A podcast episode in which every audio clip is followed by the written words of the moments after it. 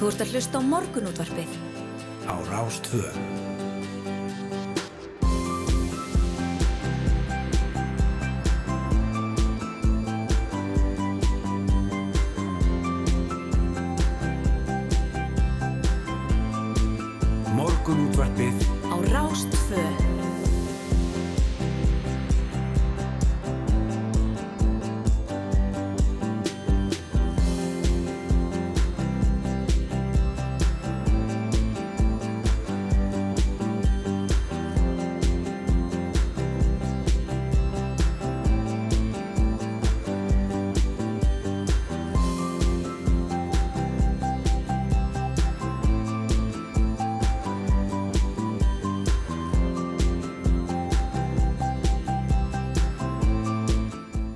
Góðan daginn, eh, það er morgunútarpið á Rástöðsum helsar.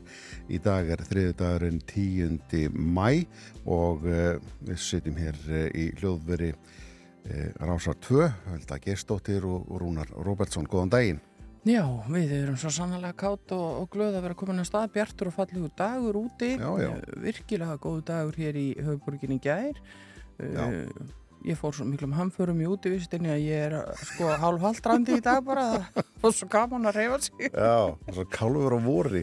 Svolítið mikið svoleiðis. Hérna, eða, eða gömul kýr já, það sem fór, var hleyft út úr, hérna, fjósinu, hoppaði á mikið og, og er núna krumpuð í dag. Já, það er- þetta er gerast jú, En, en hérna, uh, svo ána að fara eitthvað kólna þannig að hérna, við skulum kíkja þar Ó. eftir sjö en, en þetta verður svona skiptast á sömur og vetur núna næstu dag að skils mér. Já, það er ímislegt á dagskrá hjá okkur í dag að sjálfsögðu. Það er tæknispjall, hálfsmánaðarlega tæknispjallið okkar. Guðmundi Jóhansson kemur til okkar svona 20 mínútur í nýju eða svo og alltaf með eitthvað forveitnilegt í farteskinu.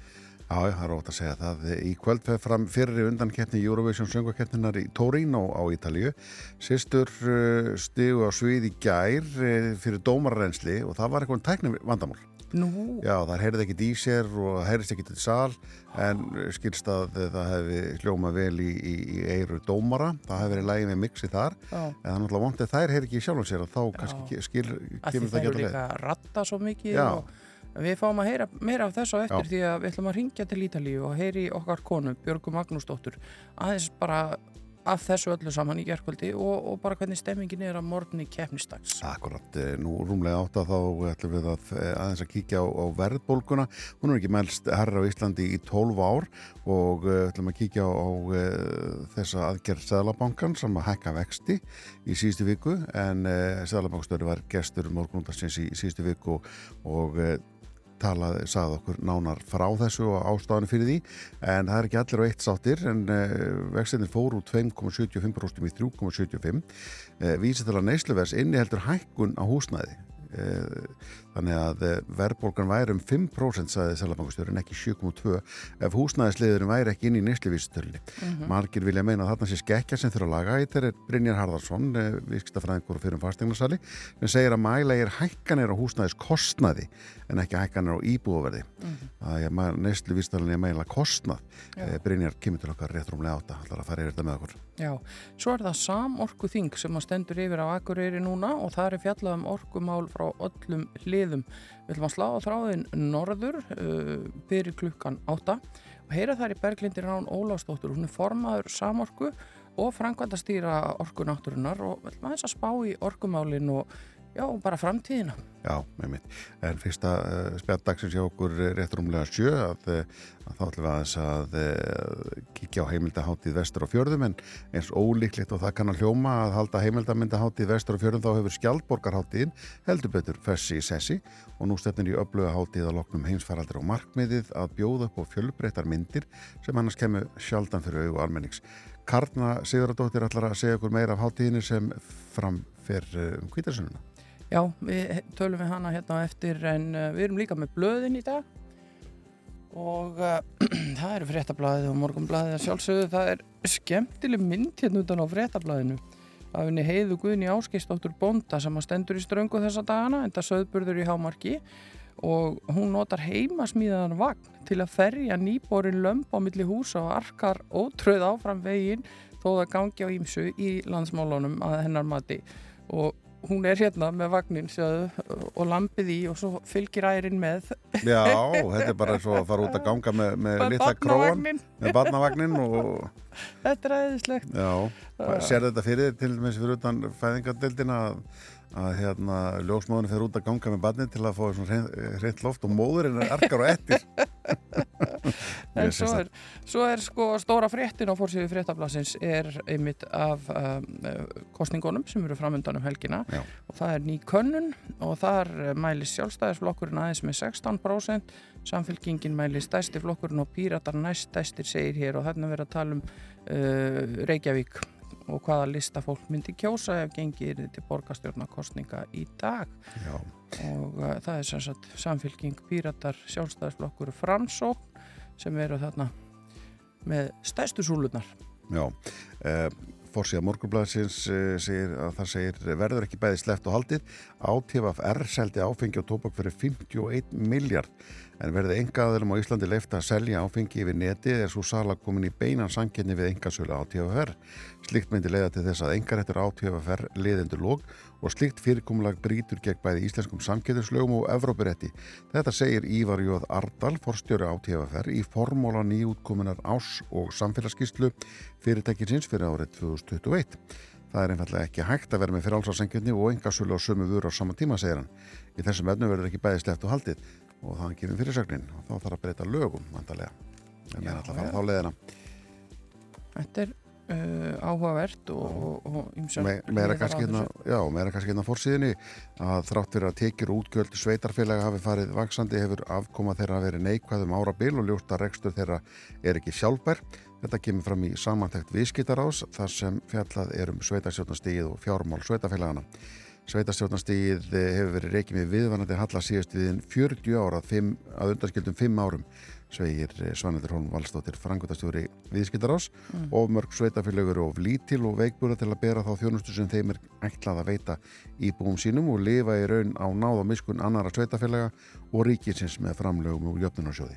Já, nú á síðu tvö hér í fréttablaðinu er uh, áhrifamikil mynd hérna frá mótmælum, mótmælum þar sem mótmælendur frá bæði Rúsland og Úkrænu komið saman við bústaðar rúsneska sendiherrans við Túngötu í gær og í, í svona, já, sem virðist vera blóði drifin fött og með plastboka yfir höfði og uh, þetta er svona svolítið sláhandi vegna þess að svona næsta frétt fyrir neðan er svona af íslenskum áhörundum í Torino, svona er nú heimurinn. Hann Já. getur verið grimmur og ljótur eina stundina og svo ekkert nema gleði og hamingja heina það er einmitt fórsíð mynd morgunblæðs í dag sem að neggert tekur myndir frá mótmælum það var að mótmæla þessum styrklefum í Úgrænu við sendir á rús eins og þetta segja frá Já, mm. ímislegt fleira auðvitað í blöðunum en, en Já, já. eh, við ætlum að, að svona fara að færa okkur uh, hér yfir gangin og yfir á, á fréttastofuna Já. og uh, fá nýjustu tíðindi frá þeim en, en það má kannski rétt að nefna hérna sem kom fram í fréttum í gærir hér á síðu fjögur í fréttablaðinu að, að það er nýtt afbreyði maður Já, Uss, nýtt afbreyði af, af ómikroni eða svona undir afbreyði Já, hún frendi Omikron mættur ræði eitthvað svo leys Volandi er þetta að þú er, þú er skemmtilegi frendin Já, skulum vona það, Já. það sé ekki fulli frendin ekki fulli frendin maður sem að setja allt í ykkur leðindi við nennum því ekki, nú bara sumarið að koma og við viljum vera kátt og glöð. En við ætlum að fá að heyra nokkra rauðlýsingar og svo vindum við okkur í fréttir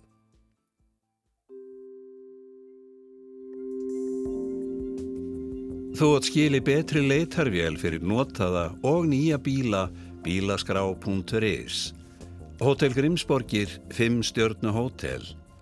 Okkur alvara með að brúa bílið þar til börn fá leikskólaplás settu X við D því framtíðin er í Kópavogi sjálfstæðisflokkurinn í Kópavogi. Þú átt skili betri leitarvél fyrir notaða og nýja bíla bílaskrá.is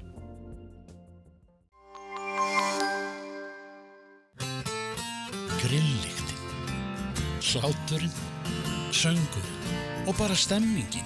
Það er alltaf gaman. Ég fer í fríið, ég fer í fríið, ég fer í fríið. Víkurverk, allt í ferðalagið. I mean, it's 2 a.m. Even the prices are the same, so. Sigraðu innkaupi. Allan sólarhingin í völdum verslunum. Netto.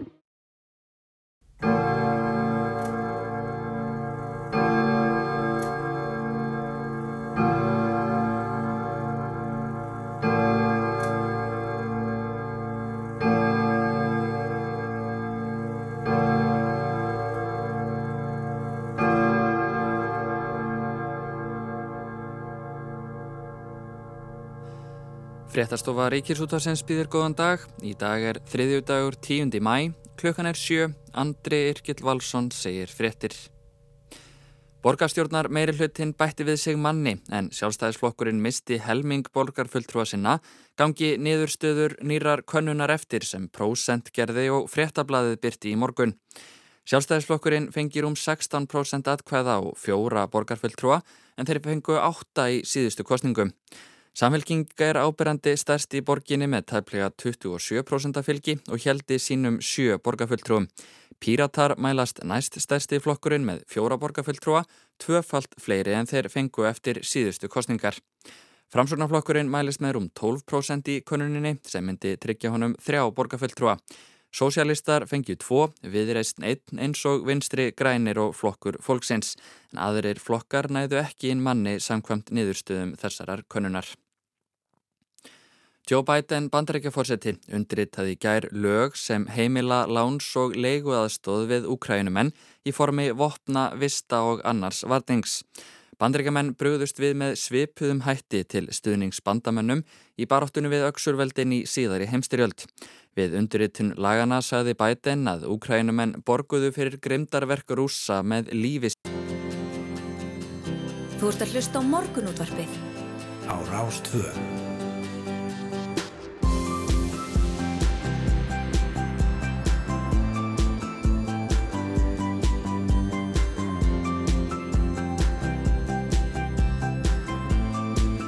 Morgunútvarpið Á Rástfö. Já, við bjóðum þann dag hér á góðan dag sem að tala nú skýrt og fallega á rásinu okkar allra Já. morgun útarfið hilsar, Hulda Geistóttir og Rúnar Róbertsson. Góðan daginn og Með velkomin, já, góðan daginn og velkomin á fætið þeir sem að voru að kveikja viðtækjanum. Já, og ímislegt uh, á dagskrá hjá okkur í dag, það er tæknispjall undir lok þáttar með Guðmundi Jóhansinni Já. og við ætlum að ringja til Ítalíu og heyra þar í okkar konu Björgu Magnúsdóttir og fara aðeins yfir hvernig gekk í dómarareinslinu í Eurovision hjá okkar konum og fólki í gær. Nákvæmlega og svo ætlar hann Brynjar Harðarsson, viðskiptafræðingur og fyrir fastegnarsali að koma til okkar, eh, hann vil meina að mæla í hækkanir húsnæðis kostnaði en ekki hækkanir í, á íbúðverði í neysluvísutölunni. Já, og við ætlum að, að forvitna staðin sem orkumálin en samorku þing stendur yfir á Akureyri núna og þar er verið að fjalla um orkumálin frá öllum hliðum. Við ætlum að slá að þráðu norður og, og heyra þær í Berglindir Rán Ólastóttur, hún er formaður samorku meðal annars. Einmitt og eftir, eftir smá stundan ætlum við að alltaf staðin sem skjaldborgarháttíðina sem er eh, heimildamindarháttíð vestur á fjörðum og ringjum vestur. Nei, nei, hún ætlar að koma. Hún ætlar að koma, Já, hún ætlar, ætlum ekki að ringja vestur, Nei, nei, nei, við ætlum bara að fá hann á staðin, hún kemur að vestan. Já, hún er í bænum Já, og, og hérna, ég held hún ætli með þess að koma með börnin sín með sér. Það er ekki Þannig að það getur orðið líflegt og skemmtilegt Glatt hérna eftir hérna smástund. Við erum alveg, alveg sátt við það. En við erum ekki bara að spjalla, við spilum líka allskins eh, tónlist og við ætlum að byrja í hugulega heitum hér í dag og um, Spurning kannski að kíkja á veðrið. heyrðu ég er að flýta mér aðeins svo mikið. Æst að spila þetta lag, mér finnst þetta svo flott. Já, En það er náttúrulega veðrið, uh, sko, að mér finnst uh, svo bjart og fallegt út í dag, kannski bara var ég hægt að pæla í veðrinu. já, en ég- ég... við erum horfur á landinu þannig að víða norðan og norðaustan 8 til 15. Rigningslitta eða snjókom á norðanverðu landinu. Það er ekki fallett og hiti 0 til 5 stig. Bjart með köplum sunnan til og stöku skúrir síðdegis og hiti 6 til 12 stig. Á morgun norðan 5 til 13 metra á sekundu, uh, jæljagangur á norðanverðu landinu, rigning á suðausturlandi en þurft að kalla suðvestan til en skúrir þar setniðpartin. Hiti frá frostmarki fyrir norðan upp í 9 stig siðist. Þetta er nú alveg merkilegt að hérna, stundum þegar maður sér orð sem maður þarf að lesa Mm. og maður sér þau vittlust. En Já. ég greip það samt hérna, hérna stendur norðan 5-13 metrar sekund á morgun, jæljagangur á norðaverlandinu og svo las ég rigning á söðunarsbröð. en ekki á söðu austurlandi. Þetta er ég náða að berga því. Ég- Heilin var, heilin fór eitthvað alveg í tómvillsi þarna. Ég las þetta fyrst, rigning á söðunarsbröð. Það hefur verið geggjað og hefur hendi í það bara. Já, já, nei, nei, ég sla, slapp fyrir hotn, svona já. getur maður verið eitthvað. En það er eh, svo sem ekki miklar fréttir af færð en samt, það er mynd á þjónustu síma veðagerðarinnar 1777 og Mm. þetta síðuna veðagerðin.is og það eru þessir vegir í Dalabið og Reykjólasveit sem eru slæmir og, og það er snjóþykja á skafreiningur á þröskuldum og stengrisfjörðarheiði og eitthvað um hálkubletti, þetta er fyrir vestan. Já.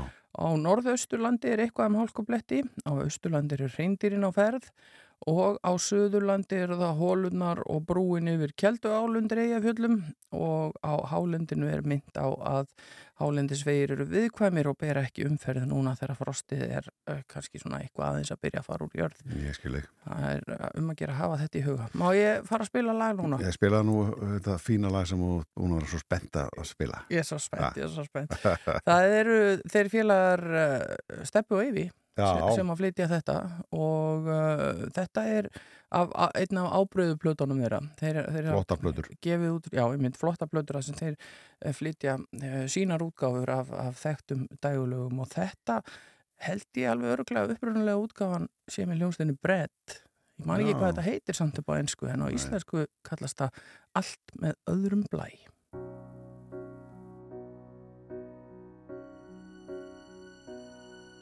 Ég veit það nú svo vel. Enginn fer mér betur draumur sem ég er.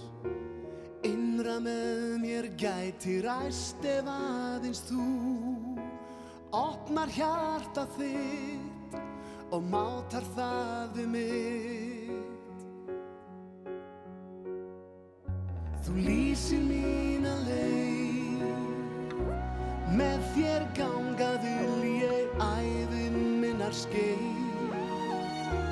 Tíminn líður hratt og hjartað örar slær Er þú ert mér nær og heimur allur hlær Það er allt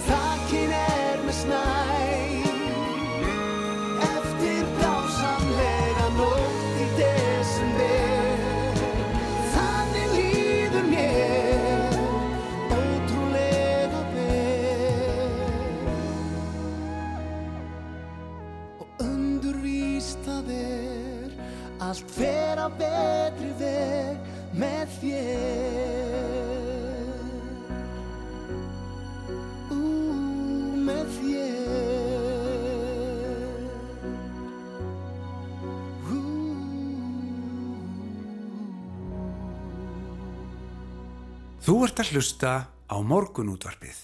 Já, já, fram höldu við í morgunúndarpinu varstu búin að sjá að e, það var slegið eitthvað met á, á, á uppbóði e, það var semt verið að selja hérna Marilyn Monroe myndina hans Andy Warhol hans getur þessari mynd, það var gríðarlega þetta sem að hérna Marilyn Monroe er máluð bleik Mhm. með e, gullt hár Mm Halgi Simpsons karakter Já. hérna, þannig séð Já, og var hún bara til sölu núna? Greinilega. Ég haldið að svona mynd var í eigu ykkur saps. en- Já, maður skildi ætla það en þetta var, e, fór núna á uppbóð og e, var selt á 195 miljónir dollara? Og hérna- Ég kann ekki að reyna svona. Nei, en það gerir það að verkum að gera það að því að þetta er dýrasta verk sem selt hefur verið sem að kom fram á 2000-öldinni. Já, skilur við ef við setjum hérna, maður sjá, 195 miljónir, það eru 6-0 já, Við notum þetta rosa sjaldan í og þú sko. Já. Kannast ekki þess að tölu bankureikningnum þetta eru 25 miljardar Já, Ha? fyrir málverk. 25,7 Já, hérna hér.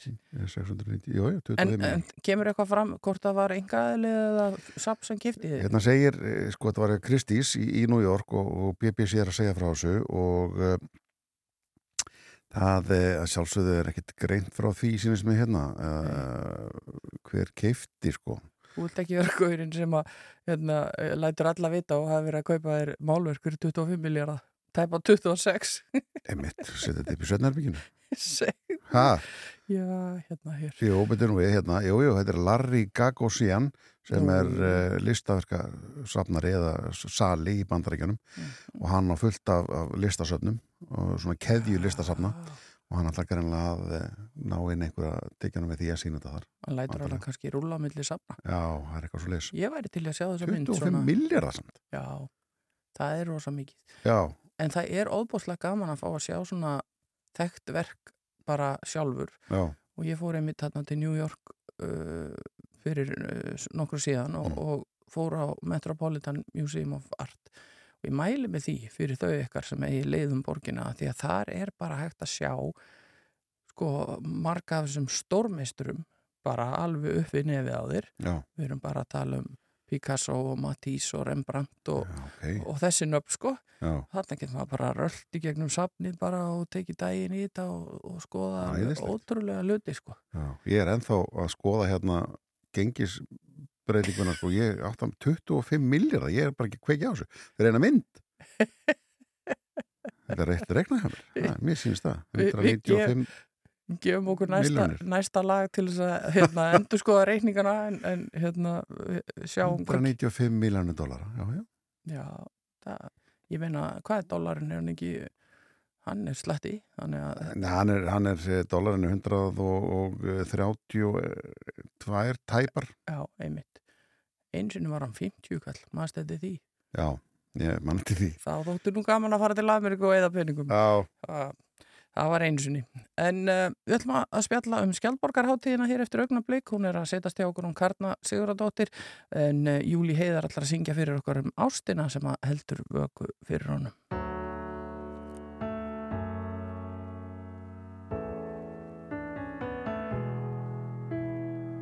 Ég þamba vasklasið, horf á speil, mynd mína um stund. Leitanda sjálfstrausti myndi vilja eiga með því fund.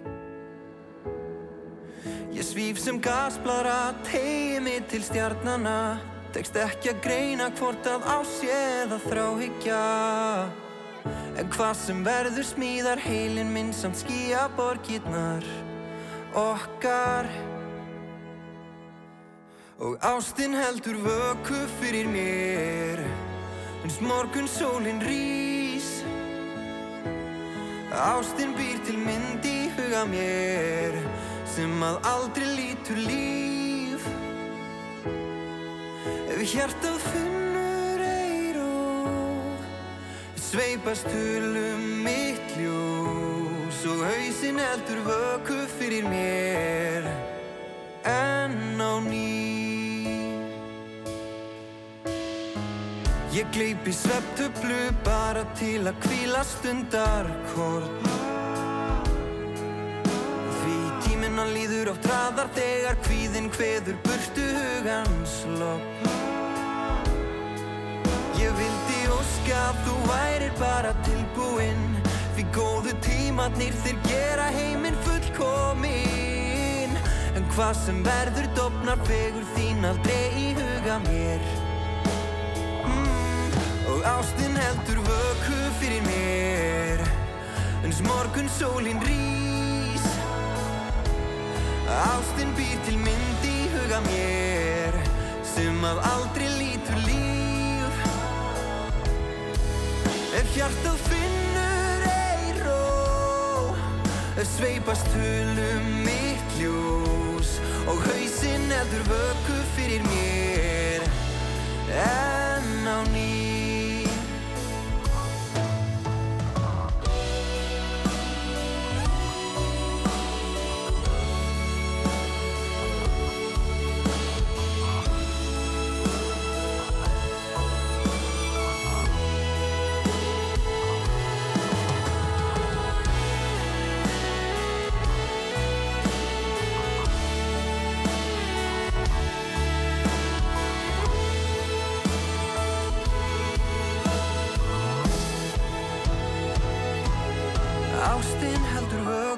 fyrir mér. Eins morgun sólinn rís. Ástin býr til mynd í huga mér sem að aldrei lítur líf. Ef hjartað finnur ein ró sveipast hulum mitt ljós. Og hausinn heldur vöku fyrir mér. Já, hausinn heldur vöku heldur vöku fyrir mér En á ný Þú ert að hlusta á morgunútvarpið. á Rástvö. Já, það komin tími til að vinda sér vestur á Patræsfjörð því að umfjöldunarefni er næsta á heima þar og eh, við ætlum að tala um uh, skjaldborgarháttíðina. Engu tíman hefði einhverjum þótt að sérstata að henda upp heimildamynda háttíði í Þorpi vestur á fjörðum en skjaldborgarháttíðin hefur nú heldur betur fessi í sessi og nú stefnir loksins í öfluga háttíð að loknum heimsfaraldri og markmiðið er að bjóða upp á fjölbreyttar myndir sem að kemur kannski annars ekkit mikið fyrir augu almennings og hún Karna Siguradóttir uh, stýrir þessu og ætlar að segja okkur meira af hátíðinu og hún er komin hérna til okkar. Velkomin.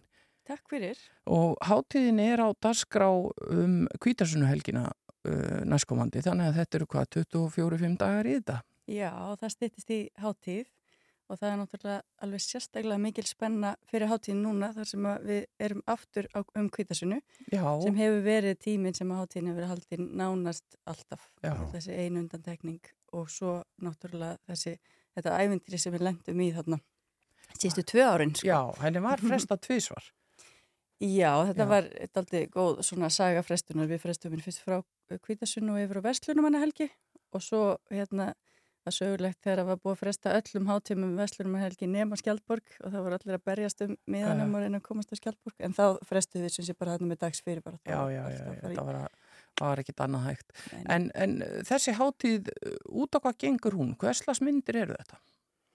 Þetta eru uh, heimildamindir og íslenskar heimildamindir.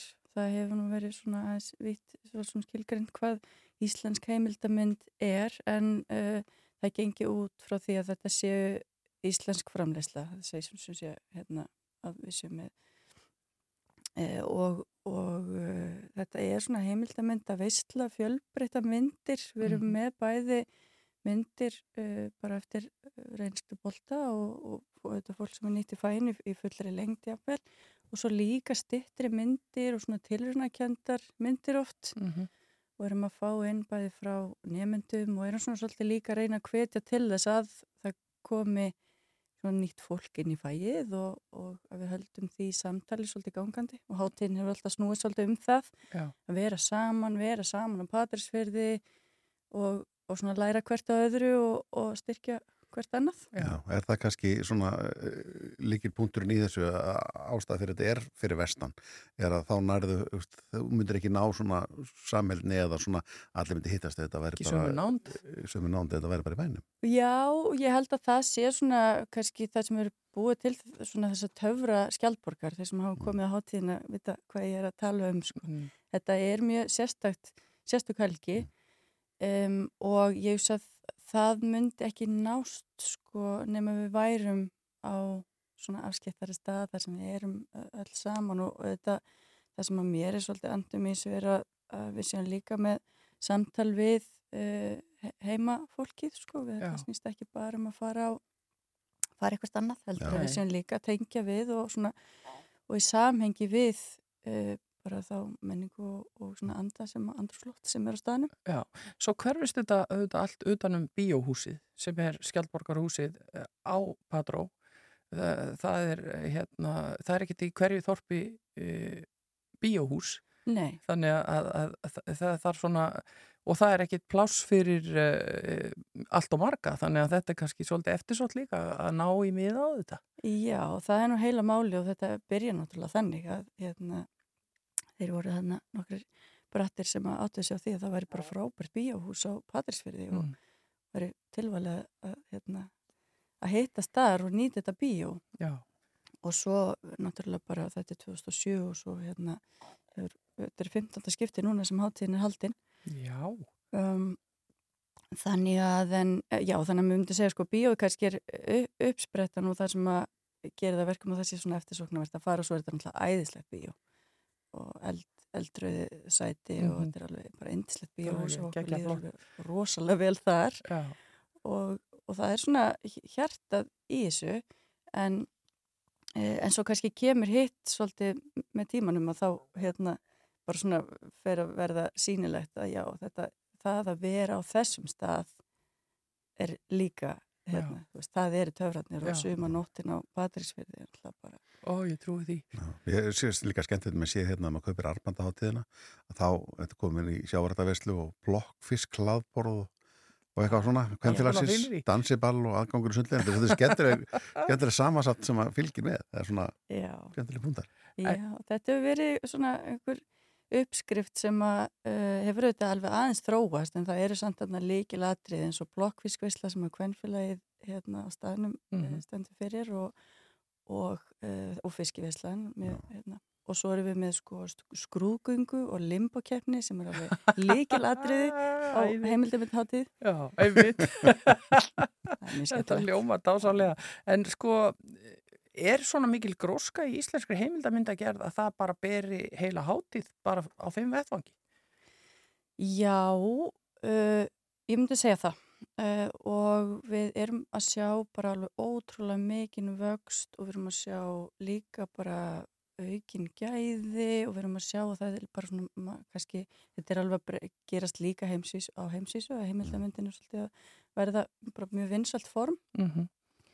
Og uh, það er gerst hér líka og það hefur líka bara svona hérna, er að breyta svona hægt og rólega bara hvernig kvikmyndasjóður er að vinna með okkur og svona þannig að, og Skjaldborg hefur alltaf lagt svona sitt loð og vogaskálanar hvað það varðar að bara hérna, stuðla að frekar uppbyggingu og, Mm. og, og halda þessum myndum líka lofti Já. Er, er meiri möguleiki á að, að, að sína þér fleirum núna heldur en áður að því maður til dæmis ekki hjá, eftir því á Netflix er þetta að fá, er þetta að sjá fullt af heimildamindur sem annars kannski maður myndi ekki rekast á Já, ég- já, streymisveitunar náttúrulega opna á möguleika á að, hérna, aðgengja þessum myndum sem að hafa, hefur oft verið bara mjög lítið. Já, og er íslenska streymisveitunar eða sjóhansveitunar sem eru hérna hér landi að taka þær Já, inn? það er sko verið að vinna að íslenskri streymisveitu sem að verður mjög hérna, mikilvæg í þessu samhengi en ég var nú að taka að, að gefa rúf prigg fyrir það. Það er núna mjög gott aðgengi að heimildamyndum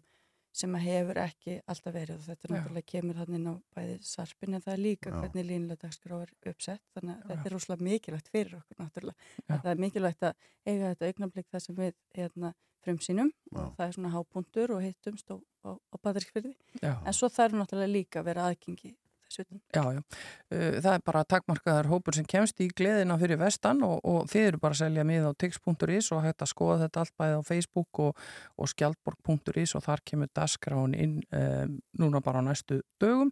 Karna Siguradóttir, takk fyrir að mæta hjá okkur eldsnemma dags og segja okkur frá skjaldborgarháttíðinu og við segjum bara gangi ykkur vel og góða skemmtun eh, um kvítasunna. Takk fyrir mig og sjáumst á Patrísfyrði.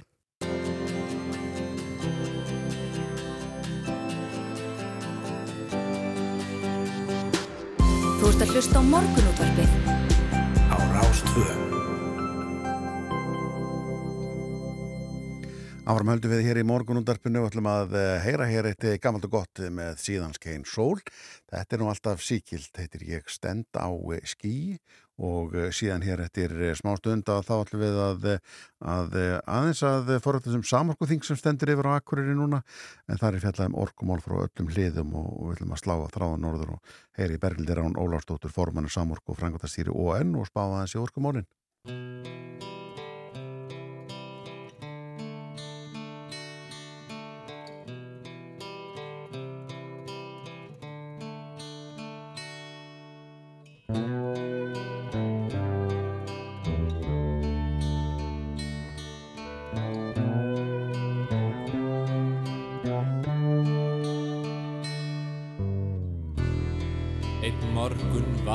Ég snemma.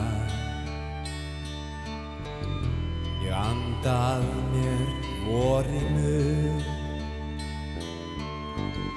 Ég horf á flauels mjúka skugga sem fagna sólar komunni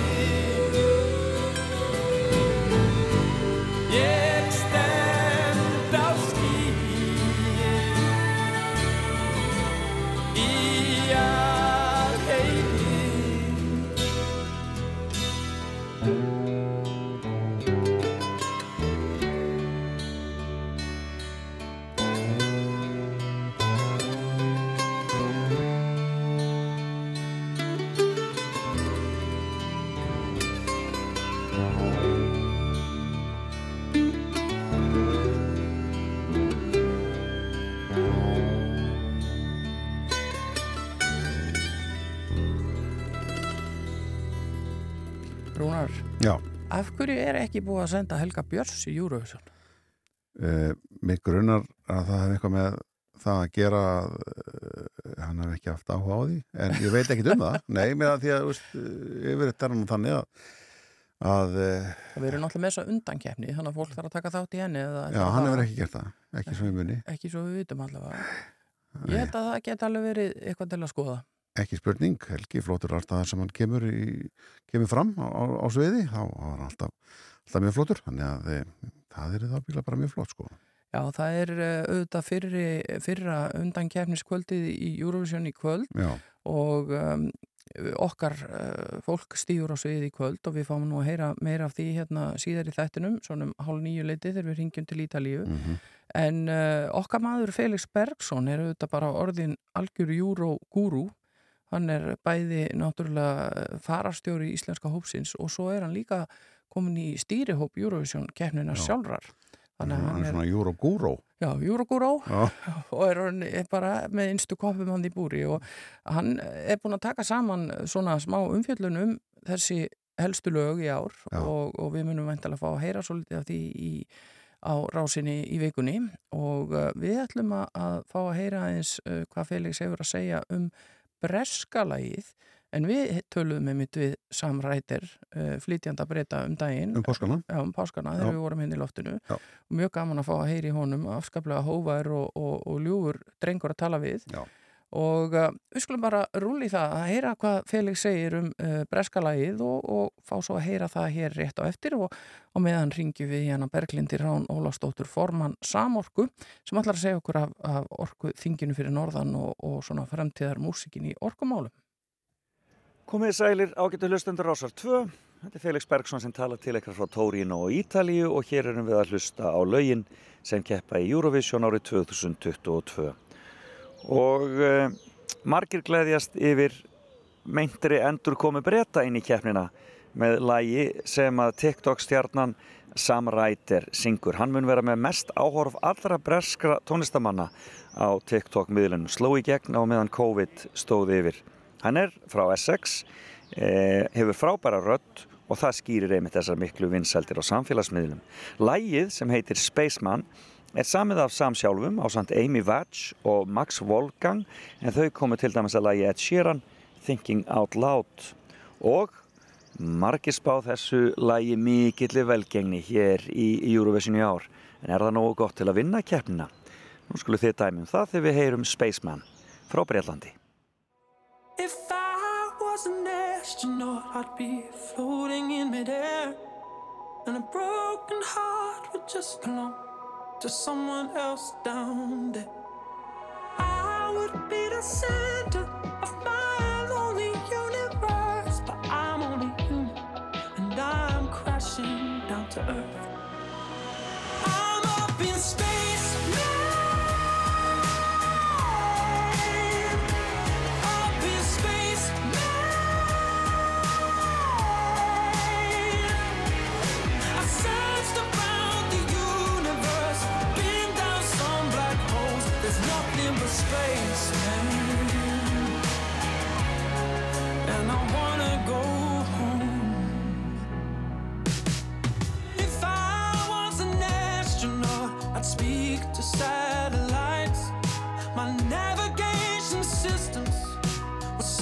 for other life.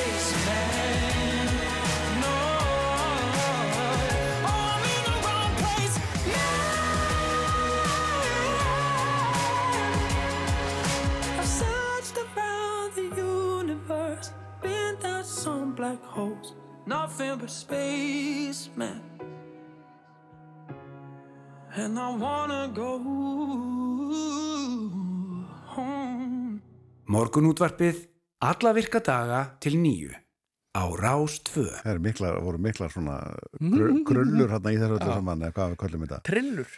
Svona krullstúlur eitthvað í, í sögnum. Já, þetta var hann Sam Ryder sem að keppir fyrir hönd breyta í Eurovision í ár og, og mikla væntingar bundnar við hans framistöðu Já. og þar á undan heyrðu við skemmtilega kynningu okkar uh, einn Felix Bergssonar sem er auðvitað statur þarna úti og fylgist með öllu.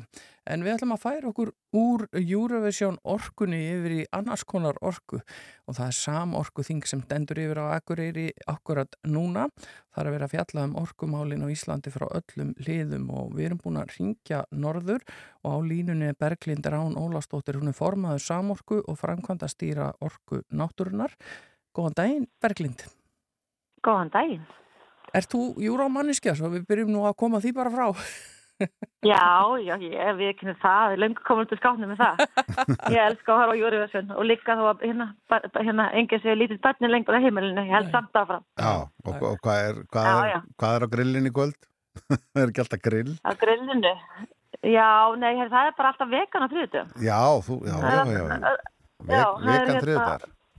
Við höfum verið með þá hefði nokkur ára að bjóða fullarni bönnunum í, í vegana þriðutum. Frá. Til að í mat Já. og í heimsók. Þannig að það verður bara áfram. Hljómar mjög vel. En þú ert auðvitað stödd á Akureyri þar sem að samorku þing fer fram, það byrjaði í gær og þeir eru þannig allan dag líka og það er ótrúlega uh, fjölbreytt dasgrá þannig í gangi. Er sko orku yðnaðurinn á Íslandi, hversu mikilvægur er hann? Er þetta ekki bara einhvern veginn kjarnin í öllu sem við erum að gera? Jú, jú, þetta er náttúrulega hérna, grunnurinn að öllu og við gerum óskum fátt að þess að vera með þessa innviði sem að við sjáum um að byggja upp að reyka og þetta er ekki bara orkugeirin sem er hérna, samorka er, er, er samtök hérna bæði orku hérna og veitu fyrirtækja. Þannig að við erum að tala um ramagn og við erum að tala um heitt vatn og, og kalt vatn Mm. og fráveituna. Já. Þannig að þetta er auðvitað, já, miklu grunn innviðir. Já, og það er auðvitað, eins og segir ekki nú að, að einhvern veginn að- sapna orkunni eða virkjana heldur þarf að, að dreifinu út um landið og, og, og eru svona nýjungar í því, er ykkur, ykkur framtíða breytingar í því hvernig orkunni verð, orku verður aflað og dreift? Já, sko, e, það er orkugeirin og, og veitugjörni heilsinni e, hefur bara lengi haft mikið fókus svona á nýja lausnir, e, nýskupun og, og svona líka innleiða tækni. Þannig að það eru heilmikla breytingar eh, framundan, þú veist, til dæmis snjálfmælarnir sem við höfum heyrt um. Þeir eru náttúrulega komnir að einhverju leiti en eru svona að fara að koma meiri þunga á næstu árum og svo er mikið búið að vera að ræða um uh, bara allstaðar uh, hvernig við getum notað auðlindina betur. Það er alltaf að koma sterkar og sterkar inn, sterkar inn sem er mjög jákvægt. Hvernig getum við hugsa hlutin upp á nýtt til þess að þurfa að uh, í rauninni ná sækja minna upp úr jörðinni og no- no- nota í, í samt til að uppfylla sömu þarfinnar og þetta við bara alveg heilstætt umgeirað og auðvitað samfélagi allt líka af því að það er líka breytast ekki bara orku og veitikinn Já, þetta er uh, málaflokkur sem að fólk hefur mikla skoðinir á oft og, og, og við höfum nú tekið ófá viðtölinn þar sem að, að fólk svona skiptist í, í, í þá sem að segja já það þarf að virkja, það vantar hérna meiri orku og svo aðra sem segja að, að það sé alls ekki þannig, við þurfum að forgánsraða upp á nýtt og, og nýta þetta betur og, venda náttúruna. Um, hver er svona línan á, á þinginu? Er þið að skoða öll sjónamið? Já, já, það er verið að ræða þetta mjög mikið og hérna það sem að á, á, á þeim svona fyrirlistum það sem við erum að tala um rafmagnið Mm. og það er, þetta er náttúrulega alveg svakalega sko mikilvæg tímar í, í þessu máluflokki núna. Það eru nokkru mánuði síðan stjórnvöld uh, ákveða að flýta markmiðum um jarðefna elsneitis leysi um tíu ár. Nú ætlum við sem land ekki að vera laus við elsneitis árið 2050 heldur árið 2040 og það munar eh, mjög mikið um þessi tíu ás. Þetta er hérna af því að það tekur allt svo langan tíma í, þessu geira að- að by- byggja upp. Og Guðlaugur Þór, e, orku, lofslas og umhverfismálaráður, hann hérna byrjaði að krafti í, þegar hann tók við nýju ráðunetti og let kortleggja stöðuna í geiranum í rauninni til þess að til þess að væri hægt að gera plan ávallun fyrir, fyrir bara okkur öll um það hvernig við ætlum að ná þessa markmiði.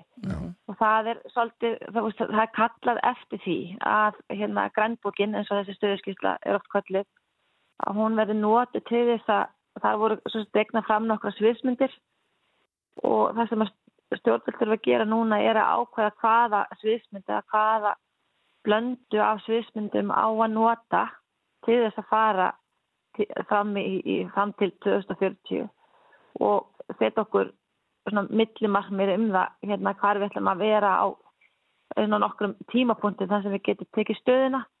Og ég held að og inn í þeirri umræði þarf líka að koma og þeir, þeirri á, þeim ákvörðinu sem stjórnvöldur að taka þarf líka að koma í hvað ætlum að nota orkuna, í hvað ekki. Þannig að fólk sjáu það veginn og, og sjáu veist, hvað, af hverju við erum aðeins og af hverju erum við með þetta plan. Við erum með þetta með plan, þurfum að vera með plan til þess að, til þess að hafa svona sammeila sína á það hvernig við ætlum að ná á ákveðin áfangastæð. Og ef að, það, ef að við ætlum að ná fullum orkuskiptum árið 2040 og skipta út ekki bara fyrir hérna fólksbílarna, það er svona lítið mál í stóra samenginu. Já. Ef við ætlum að taka líka skipin og, og hérna, hérna þungaflutningana og flugvölinar, þá og verð, ef það verði einhver stórkostlega breytingar á frambóðsliðinni, einhverja stórkostlegar hérna, breytingar í tæknutróun sem að umbreyta hlutanum, að þá þarf að virka á Íslandi í framtíðinu. Það er bara spurning eh, hérna, hvernig við ætlum að gera og en við þurfum, þurfum áallaninu núna. Já, þetta er nú ekki nema átjan ár. Nei, þetta er þetta. stuttu tíma sko. Já. Já, þannig er það sko. Og þetta verður alveg áskorun því hérna, því að þó að tæknin sem komi fyrir landsamgöngur að þá er hún ke- skemur og komin fyrir aðra þætti, Já. sérstaklega flugvilennar. En eins og nefnir skipin, sérstaklega eins og skemmti fyrir skipin sem að vera að koma hingað og, og þurfa tengingu í, ramagn, í landið, við- það vantar en þá að eigu ramagn í það ef að það er þið sett í allar hafnir sem taka múti skemmti fyrir skipin, eigu ramagn í þetta. Já, sko va- vandamáli með skemmtifæraskipin er, er hvað, hvað sem mikið afl við nota á, á stuttum tíma. Já, og hérna og það er rosalega kostnæðsamt og það er svolítið svona það sem að stoppa kannski að það, það verði gert að fulli að það, það, er, það er bara gríðilega óhagkvæmt af því þetta er svo mikið á, á bara meðan þau eru hérna að liggja við höfnina Já. og ekki stöðu nótkun en auðvitað er allt hægt sko og, og, og svo náttúrulega að því við vorum að tala um nýsköpun áðan Já. það er svo mikilvægt að allir haldi áfram að þróa nýja hluti til þess að þetta yfirst í á svona áskorunis alls konar tæknilega útfæslu áskorunis Já, þannig að það er raun og veru hægt að segja Berglind að við draugum þetta saman bara í stötu máli að, að svona framtíðar músikin í orkumálum er, eru grænar lausnir og nýsköpun. Já, algjörlega. Og svona nálgast þessa umræðu eh, svona af varfærn og verðingu uh, og, og, og hérna þurfum, þurfum að koma okkur betur upp úr klassísku skotgröðum sem að allavega umræðan um orku, orkumáli lendir miður hérna, mjög gerðan í ennþá. En það er heilmikil dagskrá hjá okkur í allan dag og, og margt sem er verið að ræða og skoða. Er þetta bara fyrir orkugeiran eða hefur almenningur einhvern aðganga að því sem þarna fyrir fram? Þetta er fyrst og fremst orku og, og veitugerin og svo eru þarna líka hérna, fyrirtæki sem er að þjónusta orku og veitugerin. Já. Já, ég, það, það, ég bara veit ekki hvort við erum einhverja official policy um það hvort að hérna, almenningi sé bóðið en ég, það væri, gæti verið mjög áhugavert fyrir. Það er mjög mörg sem að hafa áhuga á þessu sko og, og það fylgir alltaf við þeim hópu. Jú, jú, það er vissulega rétt. Við segjum bara gangi ykkur vel í dag. Berglind Rán Ólafsdóttir formaður Samorku stödd á Akureyri á Samorku þingi og uh, við höldum að fram að fylgjast vel með þróun mála í þessum geira. Takk hjá fyrir spjallið. Takk, bless, bless. Bless. Og uh, fram að fréttum er við hæfið að henda í hljómsveit sem heitir Power Station. Já. Fyrst að við erum að tala um orkumálin. Já, hvað að grafa þennan gamla og góða smell, smell upp. Já. Við ætlum að spila þetta fram að fréttum klukkan átta og svo ætlum við að ræða verðbólguna. Já, einmitt og það er magnað einmitt að, að hérna, þetta er hressandi og vekur fólk vel ef ekki er komið hvað að segja, líf í blóðið að, að honum? Þá komum tími til að vakna Já. núna. Lífið að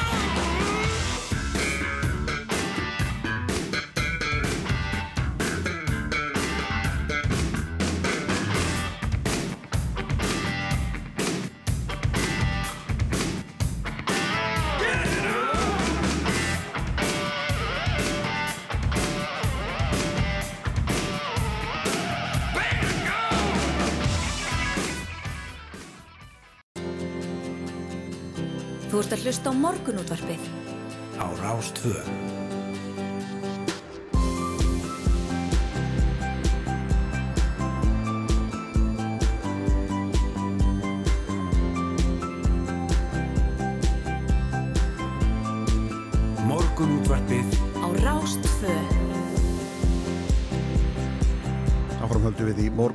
Morgunútarpinu, það er þriðdærin 10. mæ í dag og þeir sem hafa voru svona að skriða fætir núna um, átta, þá segir bara velkomin að fætir enn og aftur, við erum löngu komin að fætir hér Jú, og við erum búin að nógum að vera hjá okkur þennan morgunin Hulda Gerstóttir og Rúnar Róbesson með þeirra vættinni til klukka nýju.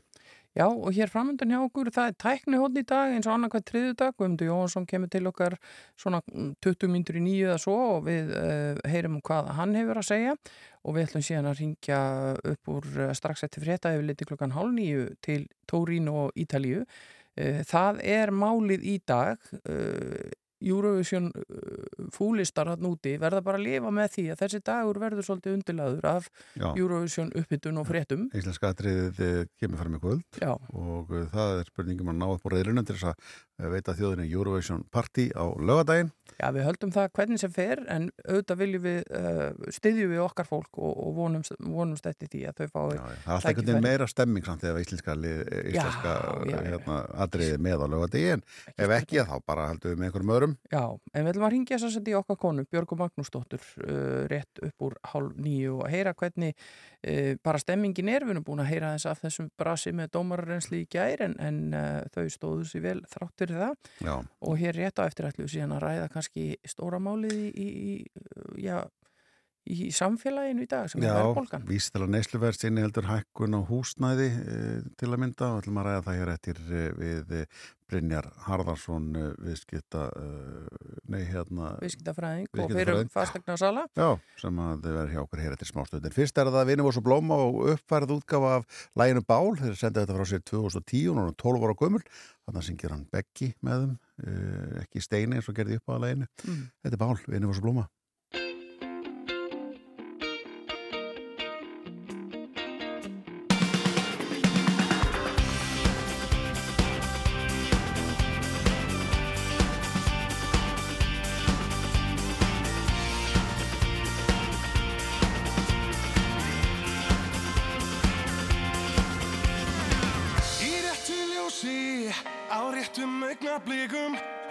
Ráðast örlögin dag frá degi Í hlaupi lífsins, við höldum okkar striki Hendust eftir hólóttum vegi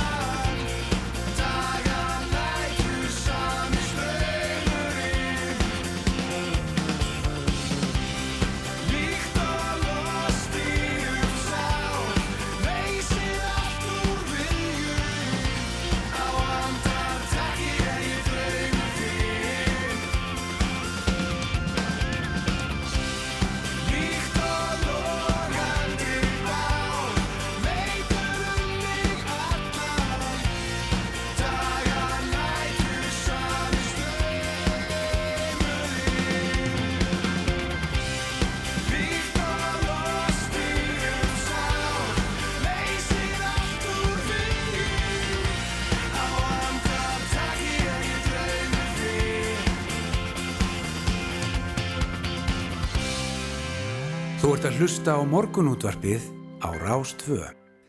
Áframöldu við hér í morgundarfinu, þetta er hressilegt lag hjá vinum og svo blóma en eh, verðborgan hefur ekki mælst herri á Íslandi í 12 ár. Sæðlabankin hakkaði vexti í síðustu viku upp um 1% stig úr 2,75% í 3,75. Vísitala neysluverst inniheldur hækkun eh, á húsnæði og, og verðborgan væri um 5% en ekki 7,2% ef húsnæðisliðurum væri ekki inn í neysluvísitölunni. Og margi vilja meina að þarna sé skekka sem þurfa að laga og þetta er Brynjar Harðarsson, frangöndastöri viðskipta fræðingur fyrir fasteinarsali sem segir að mæla í hækkanir á húsnæðiskostnaði en ekki hækkanir á íbúða verði. Velkomin Brynjar. Takk fyrir. Þú skrifar áhugaverða grein á, Facebook síðuna þessum fer svolítið yfir þetta. Farða þessi yfir með okkur. Hva, hvað vart að segja þar? Jú, það sem að uh, líkur fyrir held ég er að uh, vísitala, eftir vísitala neysluverð, svona að mæla neyslu og þá hækkun á þeim vörum sem að, sem að við erum að neyta og ef þú tekur til dæmis bara ef þú kaupir þér brauð eða smjöra og það hækkar þá bara neytur þú þess, þú, þú borðar það og þá er það með það búið. Aftur á móti ef þú kaupir þér íbúð að uh, þá gjaldfærar hann ekki í bókaldinu heldur þú átt íbúðuna og ef að íbúða verið hækkar að þá verður til peningarleg ekki á þér. Það eru auðvitað slengt fyrir þá sem koma á eftir og þurfa að kaupa sem stýrari íbúðir en allir hinnir þeir uh, hérna eignast uh, fjármunni eða, eða þeir eignast aða hækkar þannig að það er bara stór eðlismunur á uh, íbúðarhúsnæði og almennum nysluvörum þannig að ég til þetta sé algjörlega ránt og það eru auðvitað margir sem eru sammála, bæði er þetta gert mismöndi í mismöndi löndum og mm -hmm. ESU eða Euróski Centrabankin, hann til dæmis mælir engöngu leigukostnað en ekki kostnað við eigið húsnaði sko. Mm. Akkur er þetta hann inn í neysluvísitölun hjá? Hver, hver ástæðan þetta sett inn á sín tíma, veist ekki það? Eh, ekki þekki ég nú nákvæmlega hvað lág fyrir þegar að þetta var gert en þetta eru þetta bara mannana verk já, já. þetta er, það er einhvern tíðan tekin ákvörðum þetta og sjálfst hafa leið einhver rauk fyrir því eh, það er síðan búið að ræða þetta mál til dæmis eh, í sælabankanum, í peningamálastefnun og öðru slikum og við getum séð bara heimildur um það. En síðan er bara ekkert gert í þessu málum og svo stöndum við uppi með það að Uh, íslenski fastegnamarkaðurinn er miklu, miklu sveiflu kendari heldur en þeir markaðir sem við byrjum okkur við í nágrannlandunum þó hann auðvitað hafi lagast með, með því að við erum ekki með einsmikla verbulgu að þá er hann samt að sveiflast alveg ótrúlega mikið.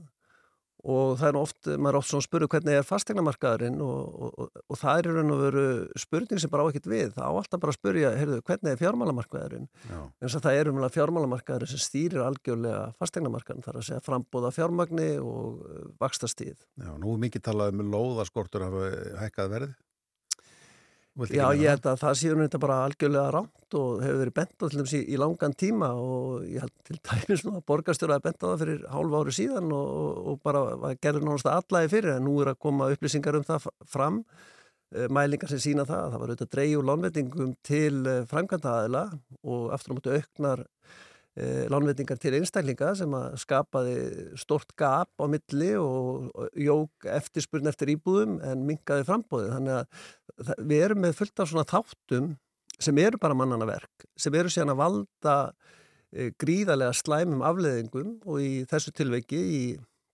þarna eins og þú sagðir í opnunni umlega 2% aukin í verðbólgu sem að við hefðum geta forðast. En er ekki, sko þegar þú setur þetta svona fram þá finnst mann þetta einhvern veginn bara að segja sér sjálft af hverju breytast þessi hlutur ekki þegar rökur færi fyrir því að þetta eigi ekki að vera svona er kerfið og flókið eða, eða er þetta einhver íhaldsemi hvers vegna ætlum við séum ekki sveianlegri í, í peningastefnu?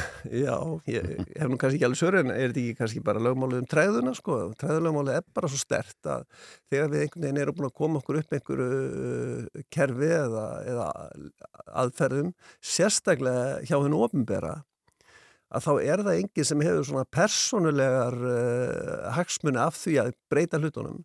Nei. Aftur á móti ég held að ef að væri eitthvað svona vandamál uppi til dæmis í engageranum, í fyrirtækjarekstri eða bara í rekstri þíns eigins heimilis, þá myndur þú bara bregðast mjög uh, fljótt við og gera breytingar. Já. En uh, við, við höfum ótal dæmi um það í stjórnsýslunni að það er bara ekki brúðist við. Mm.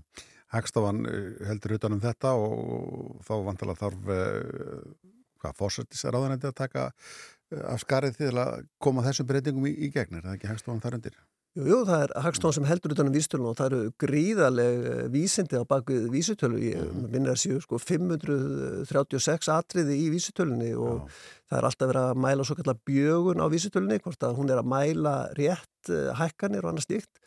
En það segir sér alveg sjálft sko að, að, að, við erum með svona stóra, risastóra þætti eins og vakstastíð. Mm. Uh, nú ég nefni fleiri þætti, við, sko, við erum með húsnæðisverð hitt og ramag, það er það sem við mælum. Mm.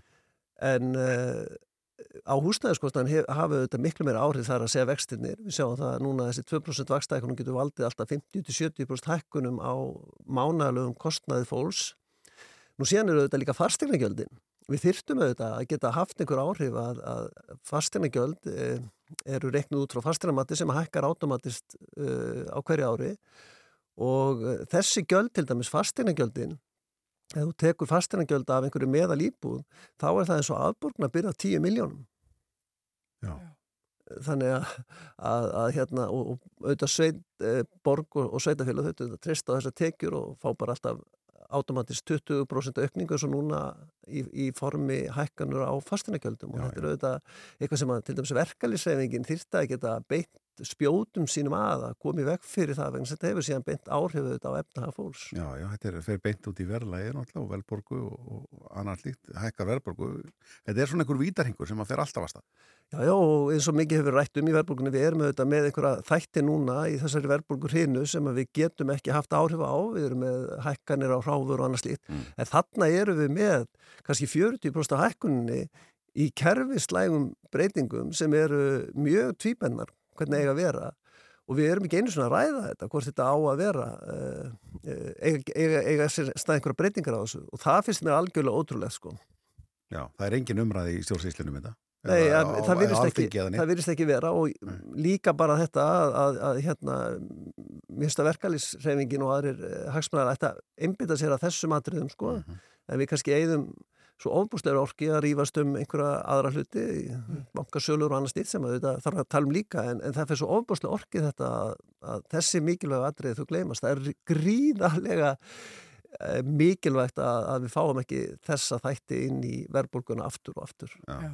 Og það kannski eins og bendir á að, að það hefur kannski lítið upp á sig fyrir verkefælsreifinguna að berjast fyrir, já, prósenta hækkunum á launum hjá fólki ef að þetta getur það upp og rúmlega það á móti. Já, einmitt, það er auðvitað, það er kaupmáttur sem skiptir máli og, og, þetta hefur auðvitað gríðarlegan áhrif á, á kaupmáttin þegar að kannski týjir þúsunda nett og hverfa út úr uh, heimilisbókaldinu. Mm.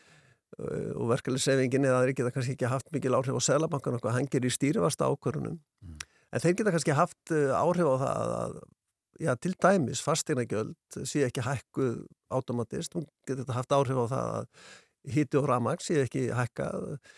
Eh, en svo er annað sem er auðvitað mjög áhugavert í þessu og það er auðvitað leiguverðið. Já. Eh, að eh, frá, til dæmis í COVID þá held ég að, leiguverð hafi jafnvel lækkað.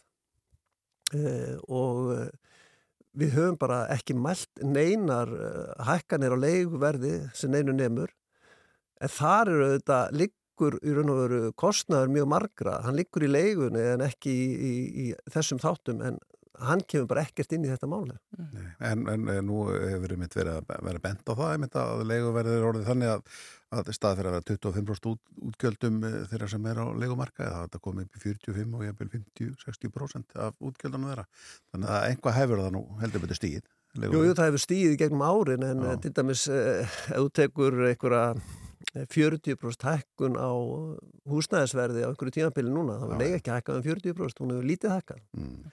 Þannig að það er, eh, þannig ef að, ef að leiga hefði hækkað í takt við til dæmis hækkun íbúðarhúsnæðis, þá, Mm. þá er hún orðin bara óýfistíðaleg fyrir flesta. Hva, þú skoðar eh, hérna markaðan svolítið og, og ert að velta þessi fyrir er svo framög komið eh, þessi tregða lána lána til bygginga það, er, er það eitthvað sem- er þekkt í sögunni eða hvernig er allir standa á því að, að lán til bygginga frangvanda hafi mingar svona mikið en lán til bíbó og kaupa aukist? Jú, það eru auðvitað kannski ekki flókna skýringar á því að þegar að er einhverjar væringjar á markanum þá auðvitað er einfaldast að lána ekki byggingaraðilum eða, eða verktökum vegna þess að uh, þetta eru svo stór lán og, tryggingarnar eru hugsalega óörugar vegna þess að þetta eru bara verkefni sem er í framkvæmt, ég vil bara lóðir löndi eða, eða annars stíkt og, og þessa framkvæmtir auðvitað geta uh, geta farið í þrótt en aftur á móti eftir að lána einstaklingum þegar íbúðunar er orðnar veðhæfar. Já. Þannig að, að, að tilneyingin er alltaf svo að, að hérna, það er óvisa á markanum og heyrðu, nú skulum við draga úr þessum lánveitingum. Já, en er þetta einhverjir eftirmálar hrunsins? Nú hefur þetta verið svona, það mun meiri varkárni í lánveitingum og, og svona kannski stífara utanum hald en var í aðdraðanda þess. Jó, ég held að sé alla líkur á því að allar það er öllu fastegnaverkefni sem að fóru illa í hruninu og ég þekki nokkjörlega til að uh, það, svo reynsla, hún er auðvitað ennþá að hafa áhrif að, að, að leið og COVID eh, kemur með sín áhrif að þá auðvitað bara rökka lánastofnanir í, í gút og segja, heyrðu, við skulum nú passa okkur að frjósi ekki inni með stóra lámendingar til einhverja byggingaverkefna. Mm. Já, eh, Brynjar Harðarsson, vikstafræðingur og fyrir fasteignarsali og þú þekkir markaðin vel eh, gegnum tíðina. Eh, vilt meina það að, að hérna, við þurfum að taka á þessum málum vanandi neysli fyrstöldun og taka íbúðar hækkarinnar hann inn eða satt, úr þessu og við þurfum að koma og segja ykkur aðeins, aðeins frá þessu. Þetta er áhugavert og þetta er eitthvað sem að stjórnvöld og verkræðsreifingin eins og það segir þarf að skoða þetta nánar. Þetta sé ekki kostnaður heldur, heldur eignar hluti þarna sem við erum að mæla gera þetta kólránt einmitt, segiru. Takk fyrir komuna. Takk fyrir mig. Já, við heyrum í Björgu Magnúsdóttur á Ítalíu eftir smá stund en heyrum fyrst í Dire Straits og hér er sungið um peninga fyrir ekki neitt, Money for Nothing.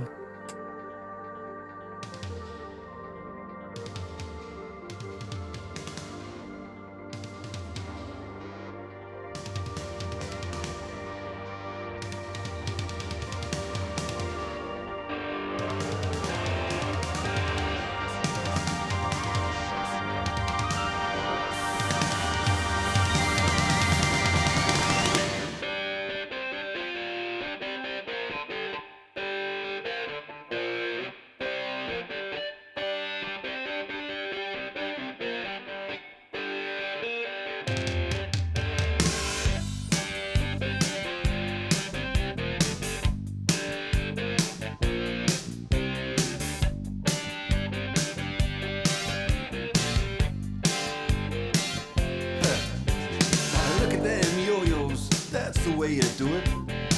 You play the guitar on the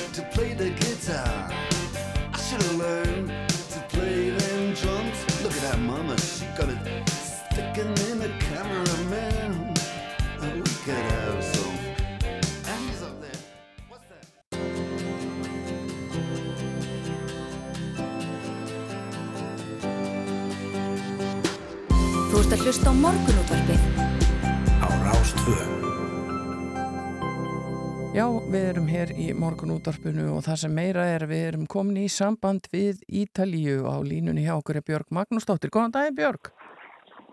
Góðan og blessaðan daginn. Hvernig er stemmingin á keppnistegi í Eurovision? Sistur á leið á svið í kvöld? Já, það er nákvæmlega staðan hulda og já, það er bara góð stemning hérna á Ítalíu, það er lóksins hægt að regna, þannig að hérna, það er bara sólríku morgun og, og íslenski hópurinn er bara að koma sér á fætur og stelpunar og sýsturnar eru byrjar auðvitað í undirbúningi, það þarf að huga að ýmsu á leikdegi eins og þú segir, þannig að það er bara góður andi og, og þessi hérna, þetta dómarreynsli gær gekk vel þrátt fyrir þessa pínu tæknilegu erfileika þarna í salnum eins og við fluttum nú fréttir af. Mhm.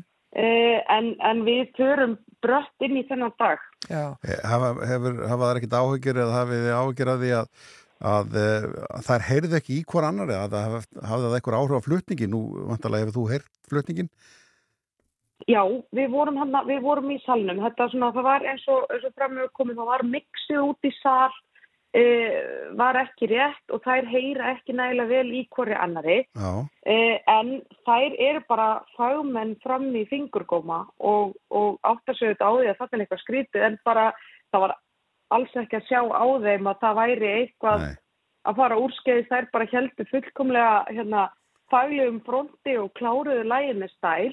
Mm. en svo auðvitað fórum við um leið og lægið klára svo fyrir við að hanna nákvæmlega hvað gerðist og, og fengum það blessunarlega staðfest að dómarar sem voru að hlusta út um alla Evrópu og meta lægið út frá flutningnum í gær, þau fengu alveg, hérna, alveg fullkomi hljóð og fullkomi útgáfi af læginu. Þannig að, þannig að við höfum ekki, ekki áhyggjur af því. Nei, en það hefur aldrei, þú veist, í, þessum dómararrenslu, þá er þetta ekkit svona þannig að þú getur bara sagt, hei, epp, epp, epp, ég heyr ekkit enn í, í, í eiranu, hvað er að frétta? Það er bara áfram veginn. Nei. Já, þa- þarna nákvæmlega, þú veist, þarna kemur náttúrulega bara vinslan inn í Já. og, og tónlistafólk eins og, og sýsturnar og sískinni hafa verið í bransanum í mörg ár, vita þetta. Þú veist, þú ert komin inn á þetta svið og, og hérna, þú veist, klukkan telur niður í að lægi pleipakki byrji, þá bara byrjaru og klárar þetta og Já. gerir það með stæl. Þú veist, það er eins og þú segir, það er ekkert ekkert að flagga eitthvað, herra ég að mækurum minn er eitthvað Já, það skrítið. Það er ekki búið þar, sko. Nei, Það er bara showtime eins og við segjum, sko. en hvernig er þetta fyrirkomulega svona fyrir þá sem ekki eru alveg á kafi í þessu, hvað gildir uh, dómnefndin mikið og hvað er atkvæðagreislan mikið? Þetta er þannig að, að dómarar sagt, vega 50% á móti atkvæðum almennings. Já. Þannig að núna eftir gerskvöldi eru 50% atkvæða komin í hús. Og þetta er sama fyrirkomulega og við erum með í söngakeppninni á Íslandi. Það er bara hérna ás úrslita kvöldi. Mhm. Dómara með 50% og svo síma atkvæðin í kvöld í útsendingunni. 50% á móti því. Þannig að þú veist, gerskvöldi var rosalega mikilvægt og bara jafn mikilvægt og kvöldi í kvöld. En það er stundum þannig að dómarar hafa, eru kannski að horfa aðeins aðra hluti en almenningurinn, fatti. Þannig að það er sjálfnast að dómarar og, og símaatkvæðin í rauninni eru sammála um hver stóð sér best, sko. Og, og eins og hefur við talað um með okkar lag, þú veist, þá er bara er svo gæðalegt lag og ótrúlega fallegu flutningur og það er svona þjálfuð eiru dómarana, sko, við vorum að veðja á að, að, að, hérna, að við myndum skora jafnvel hærra hjá dómurum heldur en, þú veist, að því að oft eru síma atkvæðin, þú veist, krakkarnir ráða símunum og, og kjósa það atrið sem að er með mestu, hérna, mestu sprengjónum og mestu litunum og þannig, sko.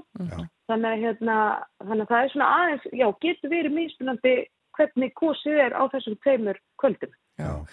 Og síðan er auðvitað þannig að við megum ekki kjósa okkar eigið land en við getum auðvitað hvart Íslendinga og Íslands vinnu um allan heim til að kjósa. Já, þetta er nefnilega líki latriði að hérna, það, er, er reglana því að það kæmur líka ótrúlega illa út fyrir okkur af því við erum ókslega að fá svo ertu bara með hérna 60 miljónir þjóðverja sem bara ringja allir skilu þannig að, hérna, þannig að við erum bara rosalega ána með þessa reglu. En, hver, en hérna, hvetjum að sjálfsögðu alla Íslendingar sem eru með búa í útlundum er með erlend númer og takteinum bara að nýta það sko. Já, nú er allir veðbankar, ekki, við tökum ekki nokkuð mark á veðbankum, en, en nú er allir veðbankar svona að veðja að, að eh, við förum ekki ánfram en, og að Úkraina munir bara vinna þetta og vantarlega þá út af mm stríðin í Úkrainu að uh, samúið séð með þeim og, og það munir flytta þeim til sigus í, í keppninni. Er það það sem þú heyrir Mhm. þarna svona á gödunni í Torino? Sko þetta hefur bara í rauninu um leið og árásin er gerð á Úkrænu, þú veist, það er um það leiti sem að löndin er að staðfesta hvaða lag kemur hérna frá hvaða sjónastöð, Já, uh, þá bara fyrir Úkrænu á toppin já, og hún hefur bara haldist á toppnum í veðböngum síðan. Og þarna og þetta er auðvitað pínlítið kalkanslegt en það er alltaf verið að hamra á því, þú veist, Eurovision er ekki pólitísk, mm. keppni, jari, jari, jari, en þarna auðvitað sjáum við svona ákveðna byrtingameit í því. Ég meina, rússar taka ekki þátt í keppninni, þeim var hérna, þeim var sérst ítt út úr keppninni núna í ár.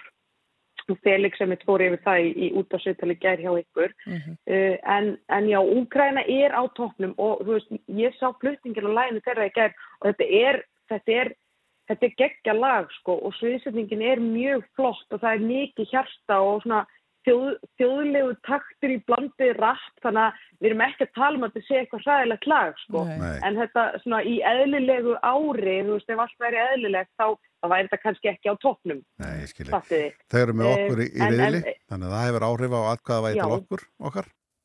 Já, já, að sjálfsögðu, að sjálfsögðu, en hérna eins og þú sagðir áðan Rúnar, þú veist, þá erum við, við vitum það manna best að þetta ræðst á kvöldinu, uh, flutningurinn í kvöld skiptir öllu máli og þið sjáu bara hvað gerðist í söngakefninni heima, ég meina það, það voru ekkert, meirlutin að veðja á það að systur myndu vinna uh, keppnina heima, það bara gerðist eitthvað á kvöldinu, þannig að við, við höfum fulla trú á því með hæguleika búndin sem er að, að, að, að það verður bara töfratnir og töfratnir fl- fljóta okkur áfram hérna í úrslutin sko. Já, ég held að sko myndavélarnar, það er elskaðir, þá er þetta komið. þá er þetta komið. Já. Já, það Já, nákvæmlega. Þetta er bara líka frábær, frábær flutningur og- og- Já, Já, og, og ekki síður bara geggja lag hjá Leiló, þú veist það, þetta er svo, hérna, það er svo, og það vinnur svo áfunnsnir og bara, já, fallegt og það er hlýja í þeim og kærleikurinn og þeir eru að vera að tala um þessi mannréttindamál og þú veist, það, þetta er einlegt, það er, Já. þú veist, þeir, þeir brenna fyrir þessum málum, það er svo fallegt og mér finnst það skína í gegn og ég vona að skilsins. Já, við vonum það líka og við segjum auðvitað bara gangi ykkur vel í öllum ykkar verkefnum í dag. Þetta er stóri dagurinn uh, á Ítalíu. Við munum fylgjast vel með. Uh, það verður uh, sendt út hér uh, á Rástvö og auðvitað í sjónvarpinu. Þannig að allir geta fylgst með og, og, og, og skemmt sér í kvöld. Takk fyrir að vera á línunni Björg Magnúsdóttir í Torino og, og við segjum Já, auðvitað bara áfram Ísland. Áfram Ísland, bestu hver heim, takk fyrir. Takk fyrir spjallið, bless, bless. Já, og við heyrum auðvitað lagið okkar góða með hækkandi sól og krossum putta, tær og allt saman og vonum það besta.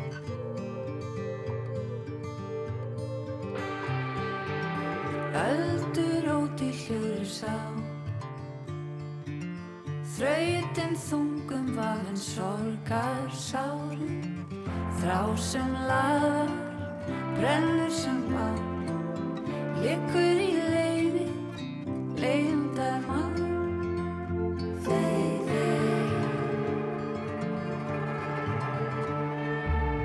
Ljósar skiptum þær að sjá.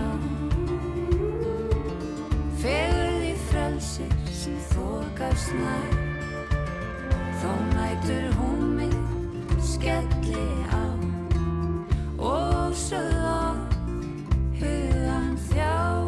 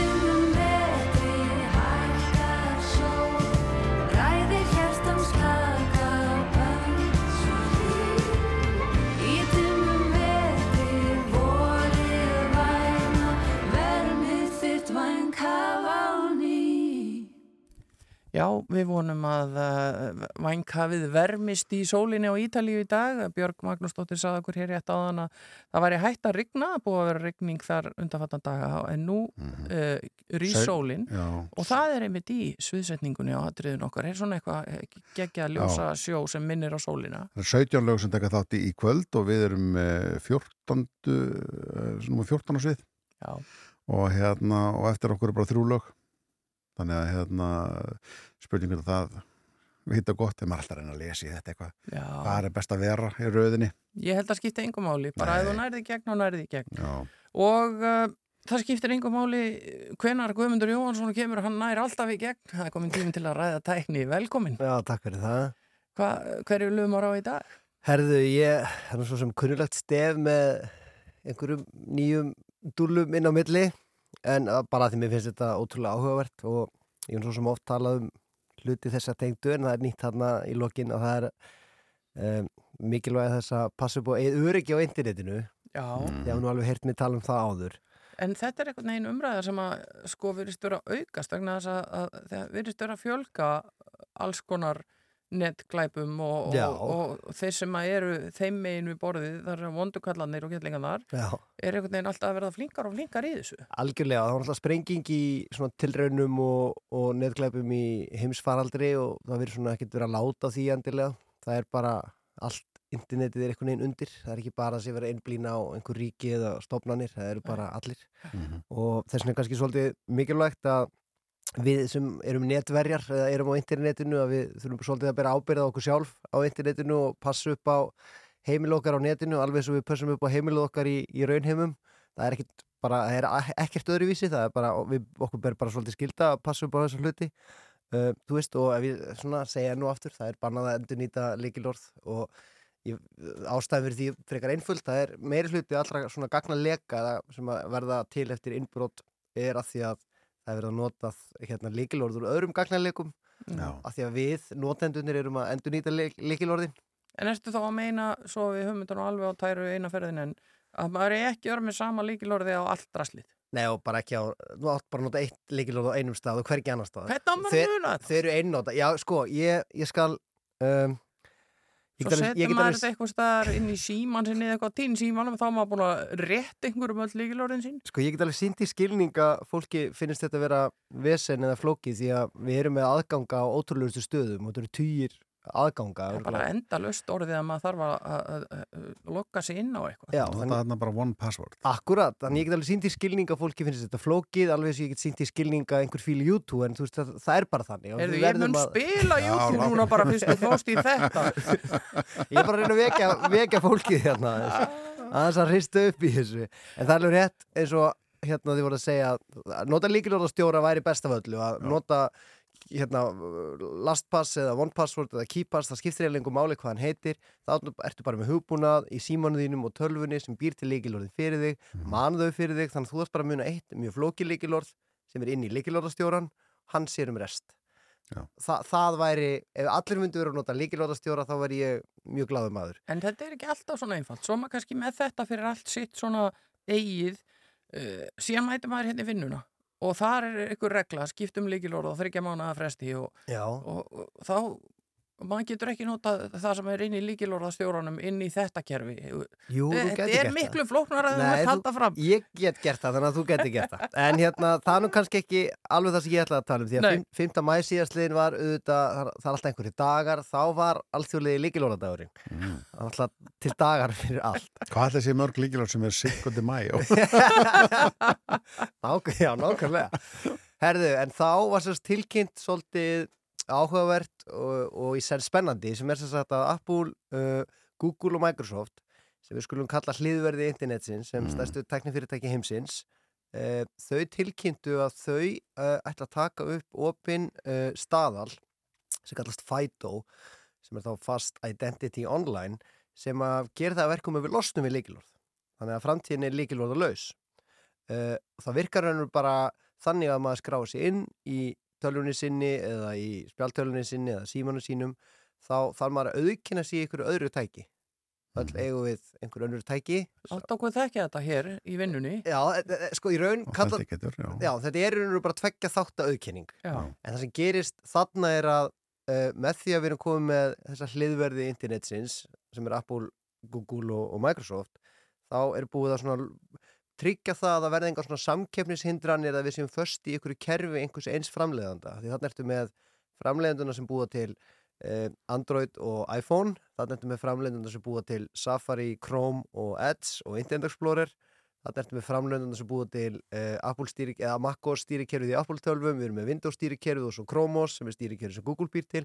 Þannig að þetta komið með alla flóru tækja sem við notum sem notendur. Mm. næst bara 98,9% markaðarins. Þannig að allir, eða við öll getum þá notað þessa leið til að aukina okkur. Og þannig þýðir það bara þannig ef ég skráum inn í eh, einhvað, það skiptir ekki máli hvað það er það er app, það getur verið heimasíða eða bara hvað sem er raun og veru í tölvunum minni þá þarf ég að aukina mig í símanum mínum. Mhm. þá er tölvan eh, hérna, veit þá að ég á annað tæki og það er símum minn uh, og þá þarf ég þar að, að, að segjast vera sá sem ég er með þessi fingrafari eða uh, hérna, Face ID hjá Apple eða með einhverjum svona greinarlegum hætti og þá er mér bara sjálfkrafa hleyft inn. Ég þarf ekki að skrifa inn eina tölur uh, munan inn líkilor, það er bara ekkert. Ég bara Nei. segi já staðfesti með hérna, fingrafarinu eða líkilorði eða nei, hérna, pinnúmer eða bara einhverju, ég vel það bara sem notandi og þá bara flýgu ég inn. Ja, við erum með svona hérna í vinnunni Já, við, tvekja þátt auðkynning Já. og þá þetta vantilega stimplin einhvern kóða. En, en þá þarf ég sko við þurfum samt að muna líkilorið inn í tölvukerfið og svo þegar við erum búin að slá það Já. inn þá fáum við ding dong í síman Já. og þurfum að sína okkur andlitið Já. og þá getum við fara að by- byrja að vinna Já, klárt Svo fer þetta rosalítið töðunar á manni þegar maður færi síðan á milli tölva í húsinu og þarf að gera þetta mörgu sinnum á dag Nei, þetta er reyndar frábært öryggi að þér séð að nota þetta. Ég með þetta bara á öllu ég nota, bæði vinnu og bara Facebook og Google og bara allt sem ég get nota svona tveggja þáttu auðkynningu, þá nota ég hana. En hvernig leysum við þetta? Ef að ég er síðan bara, bara með síman einhver staðar Já. og ætla að skrá mig inn á eitthvað sem að fer fram á tvekja þátt á auðkynningu ég er ekki með töðtæki Nei, við höndina Nei, þá gæt, sko, þú gætir mögulega að leysta þannig að tækja sér, að segjum og sért með bara iPhone síman þinn, Mhm. reynir að skráði inn í bara Netflix appið þitt sem hafði skráði út eða þú ert að byrja að nota Netflix eða Spotify eða bara einhvað sem þú ert að skráði inn í. Mhm. Apple gæti bara að tala sér svo, við vitum að þetta er hulda í hennar síma, þannig að það bara sleppur sem svo. Ok. Það gæti líka þess vegna bara verið Apple úrið þitt sem þú notar að staðfesta að þetta sér þú. Það er alltaf til fleiri og fleiri tæki sem við getum notað til að aukina okkur á einhvern hátt. En svo náttúrulega þarf væntalega uh, að vera eitthvað varaleið. Segjum í leikilorðalöðsum heimi að þú þurfur bara að mu- muna eitt leikilorð og það er kannski leikilorðið að Apple-reikningunni þínum Mhm. eða Mi- Google-reikningunni þínum eða Microsoft-reikningunni þínum þannig að ef allt er í ruggli þá þú kemst, það er með, engar, með engum móti hægt að aukina þig sannanlega þá getur þú kannski bara þurft að stimpla í leikilorðið Já. En Ég- er í einhverjum tilfellum um við, sko, það, við erum að fara inn á alls konar gagnasöfn og síður og dót þar sem er kannski ekki, við erum ekki að nota kort eða höndla með peninga, við erum bara að skoða einhverjar upplýsingar. Já. Þarf að vera alveg svaka líkilorða svona. Ma, eh, hvað máli skiptir það ef að einhver dút út í heimi kemst inn á, þú veist, ættbók íslenska hessins í gegnum mig? Nei, það er allt í lagi ef þú er ekki að endurnýta leikilorð Ég skilði. að því að segjum sér svo að Þetta er þú kjarninn. Já, að því að ef þú ert skráður notandi á ættbókhessins.is og þú Völdfengur.com Já, þú ert býr til notendanafn og leikilorð Já. Oftast býr maður til sama notendanafnið allstar því það er bara einhvers konar manns persónlega auðkenni á internetinu. Mín, ég er bara Gummjó og það bara er mitt notendanafn eiginlega allstar og svo er ég með einhver leikilorð og best væri að nota aldrei sama leikilorðið Ég veit hvaða líkilorð þú ert með. Breiðholt rúlar. Nei, ég er ekki eins og móður mín sem notar sama allstað næstu því með, með, með smá breytingum hér og þar. En það er sem sagt, þá ef þú ert að endurnýta leikilorðið og ættbók hessins lekur út á internetið Mm. þá mun einhver aðli prófa að nota það notandarnafn og leikilorð annar staðar og, og eins og ég segi, það er engin óhuldur og það er engin, uh, það er aldrei hægt að segjast vera of ómerkilegur til að vera ekki hætti að svona gerist og sko, ég áteljast með mitt nokkuð á hreinu, ég endur nýtt ekki líkilorð, ég nota tvekja þáttu auðkynningu Mhm. ég veit samt að ég hef lent í 25 líkilorðarleikum leikum Já. og gagnarleikum, ég veit það Mm. en þeir eru miklu fleiri sem ég veit ekki um Já. en ég hef ekki miklu ágjörði þegar ég fæ tilkynningum að slíkt hafi gerst af því að ég veit að ég er ekki að endur nýta líkilorðið Mm. þannig að þá bara fer ég á þá síðu þar sem þetta gerðist breyti líkilorðinu mínu þar og held áfram með daginn og allir Já, glaðir já. þetta er engin gemvísindi en vonandi er framtíðin líkilorðalaus og þá get ég bara að tala um talveit skemmtilegri hluti um að segja fólki að hætta að samnýta líkilorð og, og ég síni því skilninga við komum til fíli YouTube Já, ég hef ekki tíma til að spila YouTube af því við ætlum að enda á að spila Duran Duran Já, það er En, nefnilega stór dagur í dag, eh, já. 40 ár í dag, eh, þessum degi, fyrir 40 árum, 10. mæ, kom út uh, platan sem að hefur haldið á lífi held ég öll þessi ár, Ríó og uh, þannig er að finna náttúrulega eh, stærstu smellina þeirra, eru að segja, Ríó, My Own Way, Hunger Like a Wolf, Save a Prayer, The Chauffeur og svona eitthvað. Þetta er svaka já. Við ætlum að enda með þessu. Takk fyrir að koma, Guðmundur Jóhansson og uh, við tölum um eitthvað annað en líkilorð næst. Vam. Vam. Takk fyrir okkur í dag.